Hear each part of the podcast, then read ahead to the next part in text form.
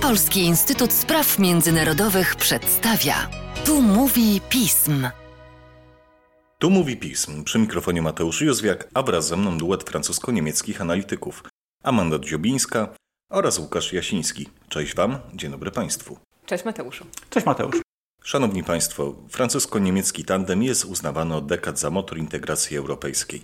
Rola obu państw jako nadających kierunki rozwoju Unii wzrosła jeszcze bardziej po Brexicie. I pomimo deklaracji o współpracy, wzajemne relacje pomiędzy Berlinem a Paryżem nie są pozbawione różnic zdań i sporów, co oczywiste. Dodatkowo wojna na Ukrainie i nowa sytuacja geopolityczna jest dobrą okazją do refleksji nad stanem relacji francusko-niemieckich i wpływu obu państw na kierunek integracji europejskiej. Dlatego też, a skoro, co warto zaznaczyć, nagrywamy nasz podcast w symboliczny dla Francji dzień, a więc rocznicę zburzenia Bastylii, warto zapytać o to, jak oba kraje postrzegają rolę tandemu francusko-niemieckiego. Trzeba powiedzieć, że współpraca z Francją, bliska współpraca jest jednym z fundamentów niemieckiej polityki. Jest to od bardzo, bardzo dawna, od dekad. I tutaj właściwie kolejne zmiany rządów nie wpływają na to w jakiś znaczący sposób. Trzeba powiedzieć, że nie bez przyczyny pierwsza wizyta międzynarodowa kanclerza Scholza i pierwsza wizyta międzynarodowa minister Annaleny Baerbock były właśnie wizyty w Paryżu, co miało nie tylko walor symboliczny, ale także bardzo praktyczny. Gdybyśmy spojrzeli do zapisów umowy koalicyjnej nowego rządu, tam się znajduje bardzo wiele odwołań do współpracy z Francją, do zapisów traktatu akwizgrańskiego. Przewidziano na przykład intensyfikację prac tego wspólnego zgromadzenia parlamentarnego obu, obu krajów. Także jest to absolutnie jeden z fundamentów i w zasadzie żadna partia polityczna tej bliskiej współpracy z Francją nie kwestionuje. Trzeba podkreślić, że także wybrany na kolejną kadencję prezydent Francji Emmanuel Macron udał się do Berlina po swojej reelekcji, co wpisuje się w, w dotychczasowe zwyczaje i podkreśla znaczenie Niemiec we francuskiej polityce. Warto przypomnieć, że przecież adresatem zaproponowanej w 2017 roku na Sorbonie podczas słynnego przemówienia Macrona E, na początku swojej pierwszej kadencji prezydenckiej. Adresatem wizji reformy Unii były właśnie głównie Niemcy.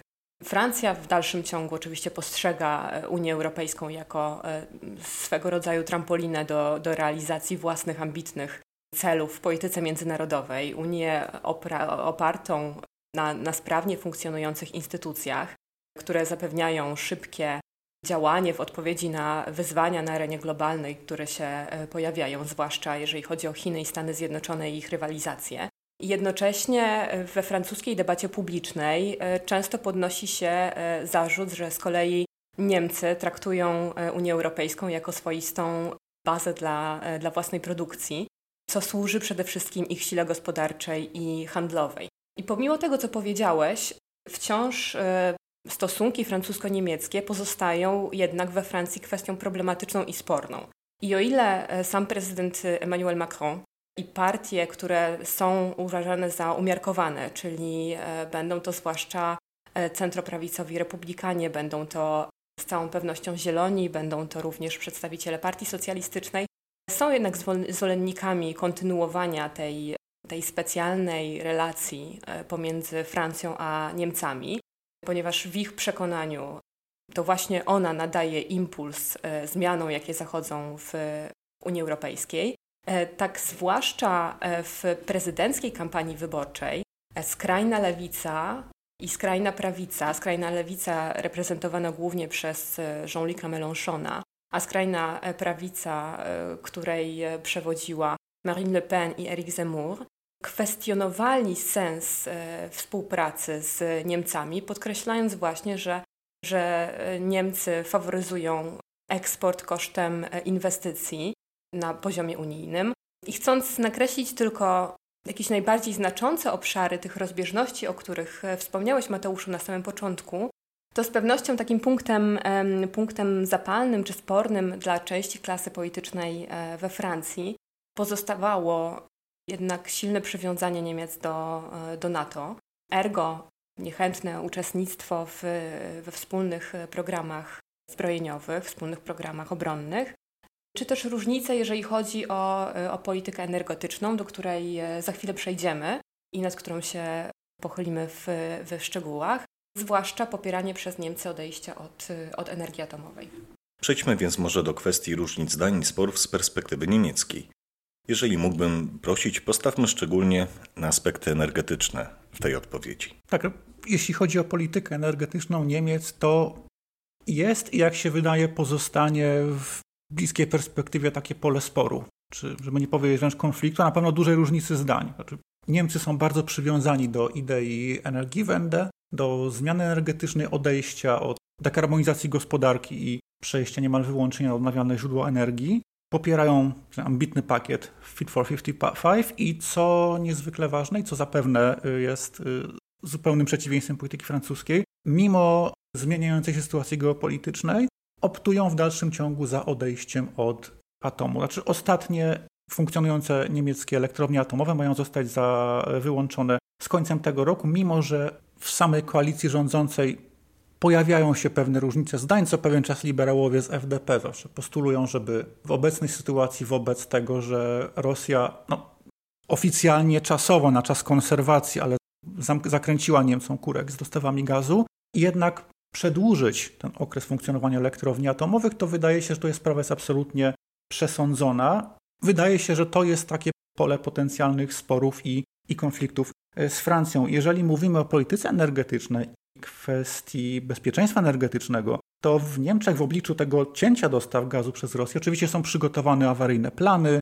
jak się ma zachować, jak się mają zachowywać gospodarstwa domowe, jak się mają zachowywać samorządy, gdzie jest potencjalne pole do ograniczania zużycia energii. Natomiast co bardzo ważne, mm, od niedawna zawierane są takie bilateralne, specjalne porozumienia o solidarności gazowej. Znaczy o wzajemnym wspieraniu się dostawami gazu w wypadku y, braków y, czy deficytów tego, tego paliwa. Takie porozumienia Niemcy zawarły ostatnio na przykład z Czechami i zapewne takie też porozumienie zostanie przygotowane i zawarte z Francją. Warto w tym momencie powiedzieć kilka słów na temat konsekwencji wydarzeń po 24 lutego. Przecież wybuch wojny i agresja rosyjska na Ukrainie na trwałe zmieniła postrzeganie bezpieczeństwa w kontynencie, ale też wymusiła zmianę w nastawieniu do jednego z kluczowych partnerów, zarówno dla Francji, jak i Niemiec, a przecież mowa o Rosji. Jak Paryż i Berlin odnajduje się w nowej rzeczywistości? Przecież to nie jest dla nich łatwy orzech do zgryzienia. Jeśli chodzi o Niemcy, to wojna rzeczywiście wywołała w elitach politycznych szok i takie dość powszechne przekonanie, że dotychczasowa polityka wschodnia, zakładająca podtrzymywanie dialogu z Rosją, budowanie tych licznych powiązań gospodarczych, po prostu zawiodła. I mało tego, wręcz przyczyniła się do wzmocnienia tendencji autorytarnych w tym kraju, rozbudowy potencjału wojskowego Federacji Rosyjskiej przez ostatnie lata.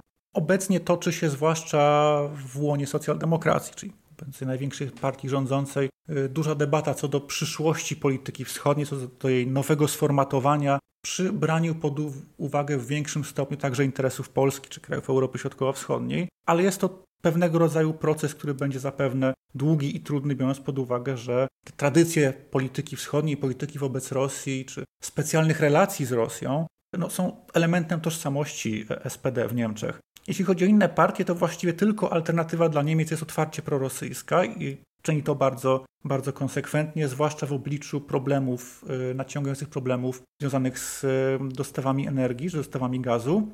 Z kolei Die Linke, lewica oficjalnie potępia oczywiście Putina, agresję y, na Ukrainę, natomiast prezentuje też tradycyjne dla siebie stanowisko antyamerykańskie, antynatowskie, czyli de facto wpisuje się po części w narrację Kremla Mimo wszystko trzeba powiedzieć, że 24 lutego zmienił bardzo wiele. Znaczy Niemcy, mimo że z naszego punktu widzenia dokonują tej zmiany zbyt wolno i może nieco kunklatorsko, tym niemniej no, Niemcy zgodziły się na dostarczanie dla walczącej Ukrainy broni, w tym broni ciężkiej jak przykład haubic, które rzeczywiście tam już trafiły.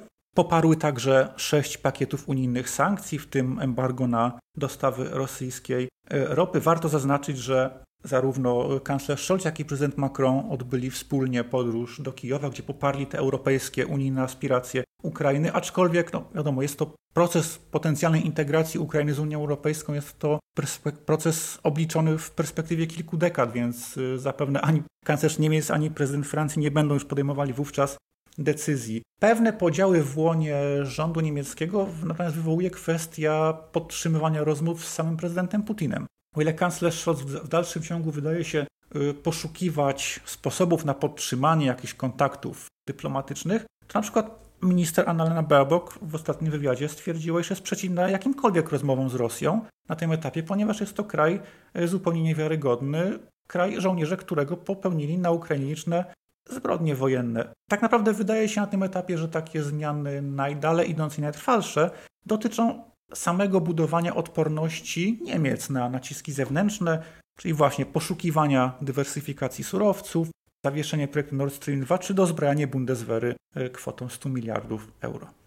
Reakcja francuska na, na wojnę na Ukrainie e, wydaje się, że na samym początku była bardziej, bardziej zdecydowana niż reakcja niemiecka. Rosyjska inwazja oczywiście była równie szokująca dla Francuzów i, i w żadnych kręgach nie spodziewano się scenariusza inwazji na pełną skalę. Musimy oczywiście też wziąć pod uwagę kontekst, w jakim e, się wówczas prezydent Macron znalazł, mianowicie po pierwsze, w, w styczniu Francja objęła prezydencję w Radzie Unii Europejskiej, co, co również e, skłoniło Macrona do, do bardziej aktywnego zaangażowania się do bycia jednym z najbardziej aktywnych europejskich polityków, jeżeli chodzi o odpowiedź na tę agresję.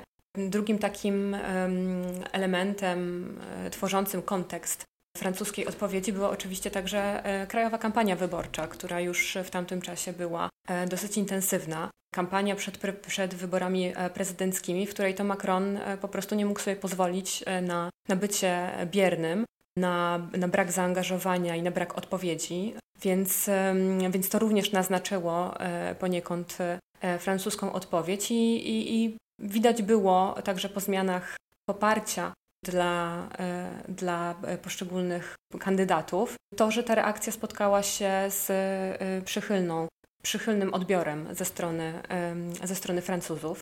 Macron z całą pewnością chciał odegrać ważną rolę w tym czasie, dlatego jako jeden z nielicznych liderów utrzymywał dalszy kontakt z Władimirem Putinem, co też było szeroko oczywiście krytykowane także, także i u nas. Pozostawał oczywiście w, w ścisłym kontakcie z, z prezydentem Załańskim, ale niektóre wypowiedzi francuskich, francuskich władz były dosyć niejednoznaczne i spotykały się właśnie z dużą krytyką i oburzeniem. E, na przykład słowa Macrona o tym, że nie należy upokarzać Rosji. Niemniej warto podkreślić, że sam stosunek Francji do chociażby dostaw broni ewoluował na korzyść Ukrainy. Francja odegrała też istotną rolę w, w kształtowaniu i wdrażaniu unijnej polityki sankcji oraz w przygotowywaniu i w przyjmowaniu pakietów pomocowych dla, dla Ukrainy. Wciąż miała jednocześnie na względzie ryzyko konfliktu między, e, ewentualnego konfliktu między Rosją a NATO.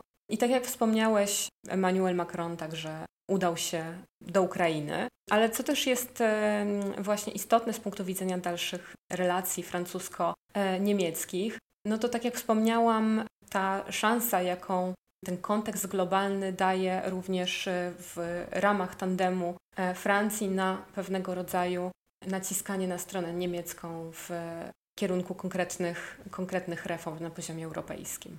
Wydaje mi się, że w ramach podsumowania i ostatniego pytania warto poruszyć kwestię autonomii strategicznej. W ramach naszych podcastów mówiliśmy o tym, jak, jak ważnym elementem dla Francji była jego sprawa w aspekcie współpracy i budowania relacji z głównymi światowymi graczami, takimi jak Stany Zjednoczone czy też Chiny. Jak obecnie na autonomię patrzą Niemcy oraz Francja?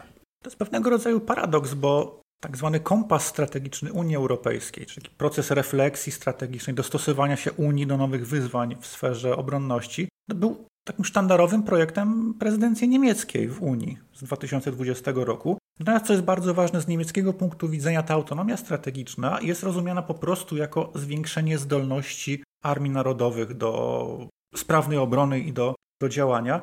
W ramach tego jest przewidywana lepsza koordynacja działań z dowództwami chociażby Bundeswehry i armii francuskiej. Niemcy także zadeklarowały wystawienie rdzenia tych tworzonych obecnie czy zapowiadanych sił szybkiego reagowania Unii Europejskiej. Za dwa lata to właśnie Bundeswehra ma stanowić trzon tychże sił. Natomiast co jest bardzo ważne i co jest, jak sądzę, dużą różnicą w porównaniu z Francją, z punktu widzenia Niemiec ta rozbudowa zdolności Unii, tworzenie nowych struktur ma być po prostu uzupełnieniem NATO. Nie ma to być w żadnym razie konkurencją dla relacji transatlantyckich. W umowie koalicyjnej obecnego rządu wprost jest nawet wprost nawet zapisano, iż głównym filarem bezpieczeństwa Niemiec pozostaje właśnie NATO i więzi transatlantyckie. Poza tym wydaje się, że jeśli chodzi o autonomię strategiczną Unii Europejskiej, Niemcy bardziej się skupiają na tym aspekcie zdolności wojskowych i zaniedbały kwestie chociażby no właśnie dywersyfikacji dostaw energii, potężnym problemem także stojącym przed Niemcami jest kwestia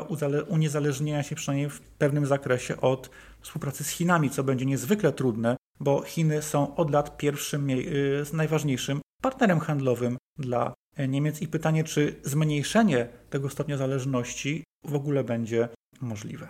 Orientacja e, strategiczna i, i instytucjonalne zakotwiczenie wzmocnionej europejskiej współpracy obronnej jest rzeczywiście dla Francji punktem ważnym. E, Francja tradycyjnie prowadzi politykę proeuropejską w, w takim sensie, że e, stawia na, stawia na rozbudowę własnych zdolności, nawet jeżeli ten francuski sceptycyzm wobec Paktu Północnoatlantyckiego stopniowo właśnie w obliczu wojny na Ukrainie e, ustępuje miejsca jakiemuś rodzajowi pragmatyzmu. Macron forsował koncepcję autonomii strategicznej i, i będzie na szczeblu UE, bo zakłada, że państwa europejskie powinny być przede wszystkim zdolne do, e, do, do wspólnego skutecznego działania. To dążenie Macrona do, e, do większej suwerenności europejskiej oczywiście było również serią prób i błędów. Prezydent Macron od dawna musiał szukać e, odpowiedniej strategii, aby przekonywać swoich partnerów europejskich, głównie, głównie Niemców, e, o korzyściach płynących z tych, e, z tych rozwiązań. Nie ulega wątpliwości natomiast, że dla francuskiego, z punktu widzenia Francji, powodzenie tych strategicznych ambicji europejskich, które to ambicje wykazuje prezydent Macron, zależy od dobrze funkcjonującego tandemu francusko-niemieckiego od partnerstwa z Niemcami. Myślę, że też ważne jest, aby podkreślić, że Niemcy do tej pory były niechętnie zaangażowane, niechętnie angażowały się e, w wspólne projekty z Francją w połączeniu e, z ich e, niską gotowością ich sił zbrojnych. To te ograniczenia skłaniały często Francję do tego, aby poszukiwać innych partnerów zdolnych do reagowania w miejscach e, w bezpośrednim e, sąsiedztwie Europy, w którym e, rozgrywały się różnego typu kryzysy, w misjach stabilizujących te regiony. Z całą pewnością Macron będzie naciskał na, na silniejszą autonomię strategiczną i na niezależną obronę na szczeblu, na szczeblu Unii Europejskiej. Przekonany, że, że będzie mógł e, polegać również na, e, na stronie niemieckiej w, w budowaniu dalszej strategii e, unijnej. Hmm, szanowni Państwo, jak widać, sytuacja międzynarodowa, geopolityczna, kwestie konfliktów rzutują na bardzo wiele aspektów w relacjach francusko-niemieckich. O tym, jak będą się rozwijać, zacieśniać, jak będą walczyć z przeciwnościami, będziemy mieli okazję porozmawiać nie raz, nie dwa. A tymczasem Dziękuję bardzo za dzisiejszy podcast. Dziękuję. Dziękuję. Państwa zaś zachęcam do śledzenia naszej strony internetowej, czytania najnowszych biuletynów i komentarzy, śledzenia mediów społecznościowych, także naszego kanału na YouTube. Z mojej strony to wszystko i dziękuję Państwu za uwagę. Do usłyszenia.